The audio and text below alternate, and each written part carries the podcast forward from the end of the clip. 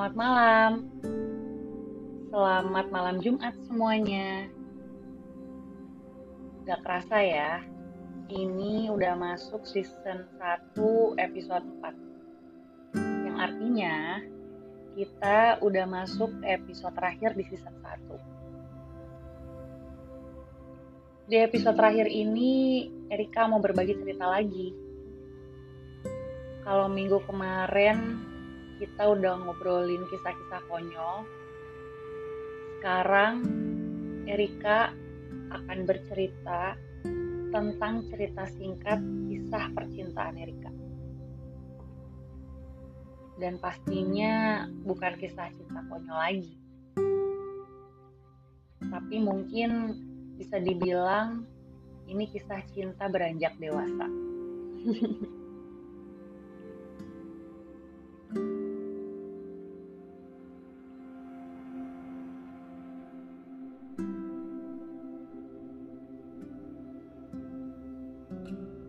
berhati baja mungkin itu Erika.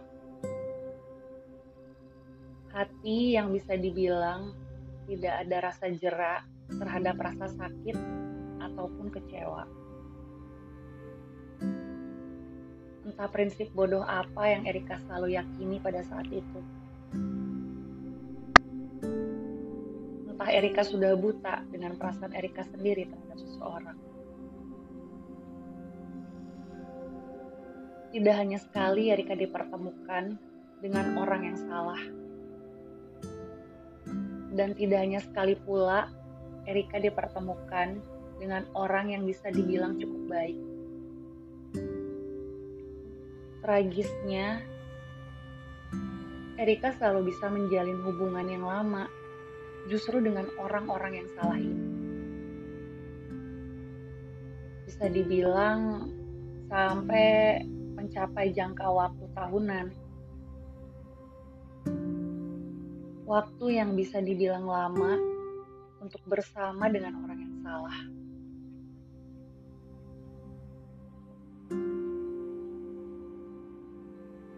Hampir setiap hari Erika mengadu. Sedikit-sedikit curhat sama Riana sedikit-sedikit curhat sama salah satu sahabat Erika dari SMA. Panggil saja dia Ica. Dan 90% isi curhatan Erika gak jauh dari kisah berbalut air mata, kecewa, dan amarah. Ya, karena paling sering Erika curhat sama mereka dibandingkan yang lainnya. Riana. Seperti yang udah pernah Erika jelasin di episode-episode sebelumnya. Kalau dia itu objektif, kalimatnya menenangkan, dan tidak pernah menjudge. Salah satu yang paling Erika ingat sampai sekarang itu, dia selalu bilang, bikin coklat hangat nih biar tenang. Hmm, it works memang. Thanks a lot Riana. Ica. Dia selalu bisa jadi tempat Erika pulang ketika Erika butuh tempat berteduh. Dari derasnya air mata, dari hebatnya hantaman bebatuan, dan kencangnya angin. Iya, Erika selalu datang ke rumahnya dan bisa berhari-hari Erika berdiam diri di sana. Sampai Erika merasa benar-benar tenang. Terima kasih banyak, Cak. Karena Erika nggak pernah mau menangis di rumah. Apalagi sampai ibu tahu dan melihatnya. Tetapi walaupun tidak melihatnya, ibu tahu seberapa berat dan sakitnya Erika saat itu. Erika selalu berusaha untuk tetap tersenyum dan tertawa di hadapan ibu di rumah. Tapi ibu selalu nanya, Teteh kenapa? Ibu bisa tahu. Ibu bisa ngerasain. Terima kasih, Ibu. Tidak hanya mereka berdua, tapi semua sahabat-sahabat Erika mungkin sudah muak dengan curhatan-curhatan Erika yang sebenarnya tidak pernah jauh dari cerita-cerita yang sama. Sampai-sampai Erika tahu mereka udah bingung harus kasih solusi seperti apa lagi. Thanks a lot buat supportnya ya guys.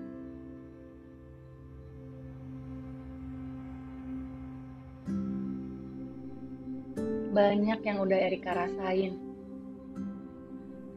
Banyak yang udah Erika terima dari perlakuan-perlakuan mereka yang terdahulu. Dan entah, entah kenapa hati Erika selalu mengizinkan untuk selalu disakiti. Seolah logika tumpul seketika. Dan perasaanlah yang paling merajai perasaan bodoh. Entah itu dari kekerasan verbal atau non-verbal. Erika pernah ngerasain gimana rasanya pipi sebelah kiri dihantam dengan tangan seorang laki-laki. Cuma karena Erika ngasih contekan di hari ujian nasional. Erika pernah ngerasain rasanya disuruh jalan kaki dari Jalan Gandok Ciumbulir Bandung sampai ke daerah Cicadas. Rumah Erika pada saat itu. Erika pernah ngerasain rasanya gimana ditinggalin tengah jalan malam-malam. Erika juga pernah jadi apa ya istilahnya anggaplah tulang punggung untuk kehidupannya. Dan masih banyak lagi yang gak bisa Erika sebutin satu-satu secara detail. Tapi ada kata-kata yang masih Erika ingat sampai saat ini. Dan itu benar-benar semakin meruntuhkan harga diri Erika yang sebenarnya udah gak ada sebagai seorang perempuan. Kenapa sih lu tuh gak mau putus? Gak ada lagi yang mau sama lu.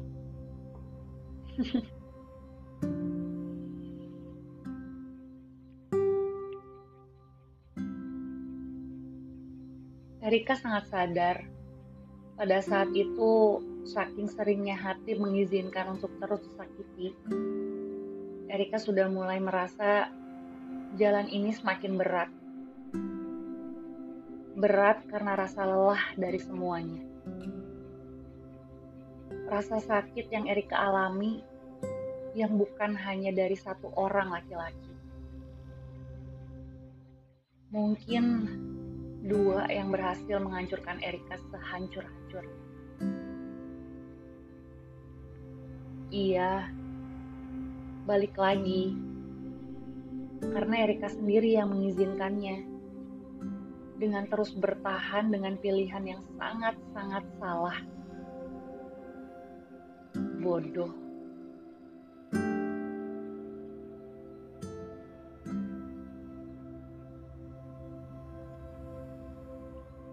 Sampai pada akhirnya, Erika sampai pada satu kejadian yang Erika berpikir ini akan Erika jadikan jurang terakhir di mana Erika terus-terusan jatuh.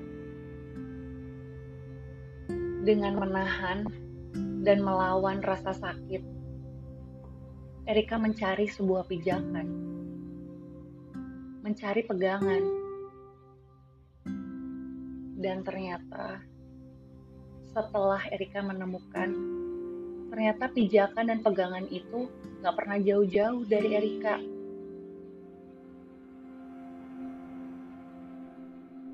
Terlepas dari doa orang tua khususnya ibu.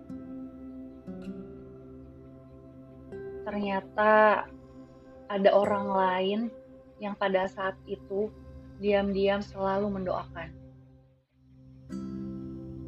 Selalu berusaha agar Erika bisa lekas sembuh dari babak belur ini. Beliau adalah Ibu Riri.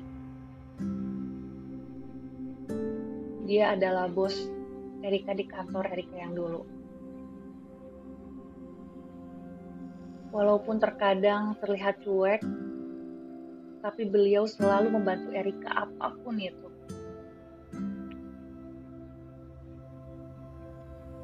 Termasuk masalah jodoh. Iya, masalah jodoh. Selain dari sahabat-sahabat Erika, beliau dan suaminya yang menjadi saksi bisu Erika saat meneteskan air mata di kantor atau bahkan di tempat kita nongkrong bareng-bareng.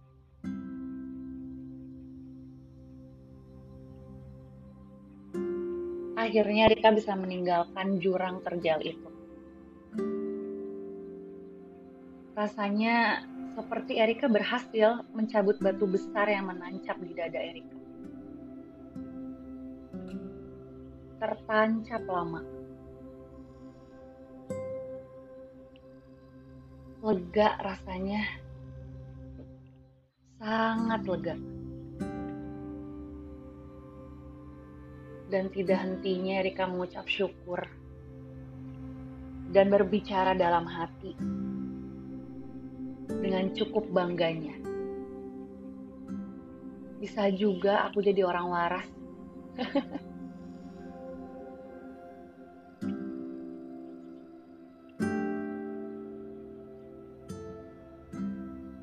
Sejujurnya, bagi Erika tidak ada rasa trauma untuk bertemu orang baru. Cuma ada rasa insecure berhubung pada saat itu Erika sudah menginjak usia 28 tahun. Kayak ada pikiran-pikiran semacam apa mungkin ada yang bakal suka sama Erika.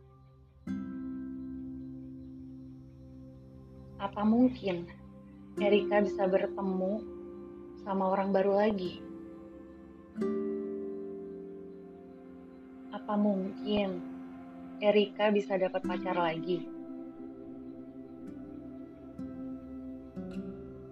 Apa mungkin Erika bakal menikah?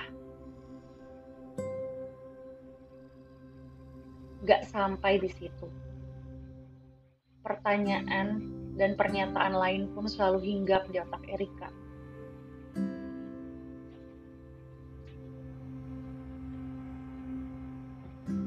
kayaknya kalaupun Erika menemukan orang baru, belum tentu juga mau pacaran. Kalaupun sekalinya pacaran, belum tentu juga bisa sampai nikah. Karena proses nggak segampang itu. Apalagi memutuskan untuk menikah. menemukan orang yang tepat untuk mau bekerja sama seumur hidup itu gak gampang di zaman sekarang ini sepertinya. Pikiran seputar duniawi Erika pada saat itu. Salahnya tidak diimbangi dengan melibatkan Allah untuk urusan jodoh.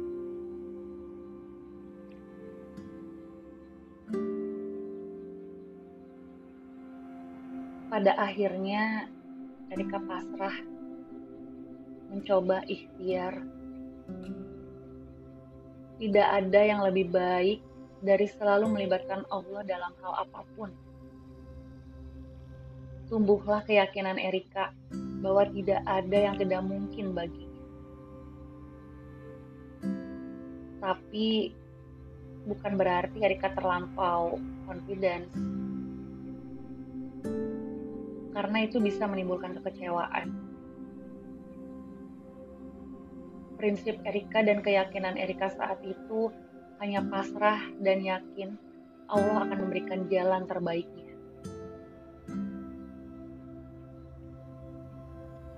Seiring berjalannya waktu, Erika mencoba mau membuka hati yang benar-benar membuka dengan catatan hanya untuk yang serius, bukan untuk yang sekedar have fun pacaran. Ini bukan waktunya lagi, dude.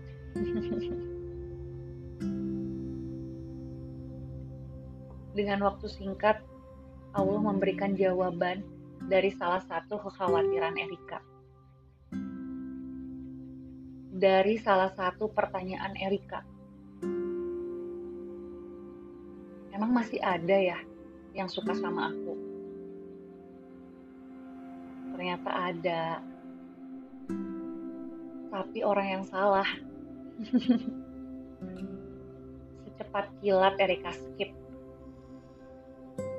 Tapi pelajaran yang Erika bisa ambil adalah masih ada ternyata yang suka.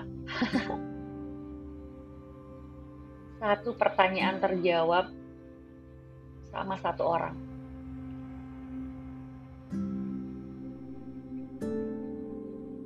Dua minggu berlalu dari kejadian itu barulah hadir seseorang yang menjawab semua pertanyaan-pertanyaan, keinginan, dan apa yang Erika butuhkan selama ini dari seorang laki-laki. Penasaran gak sih? Sabar ya, semua akan hadir lengkap di season 2. Jadilah perempuan yang mandiri ya. Jangan banyak menggantungkan apa pun dari seorang laki-laki. Terlebih kalau kalian masih di tahap pacaran. Jadilah perempuan yang kuat. Tapi bukan kuat untuk disakitin. Perempuan yang imbang antara perasaan dan logika jangan lumpuhkan logika kalian. Apalagi dalam masalah percintaan. Realistislah. Kalian berharga. Kalian berhak mendapatkan yang terbaik. Dan yang terbaik akan hadir menurut kehendaknya ketika kalian yakin. Kalian akan dipertemukan dengan berbagai kesalahan, dengan rasa sakit mungkin. Ingatlah, itu tanda bahwa dia bukan yang terbaik menurut pilihannya Hanya berbagi kisah dan pengalaman karena ketika kalian dipertemukan dengan yang terbaik menurutnya, segalanya akan dilancarkan. Bersyukur bagi yang sudah menemukan, dan semoga segera dipertemukan bagi yang belum menemukan. Amin. Makasih banget ya udah mau dengerin. Bye bye.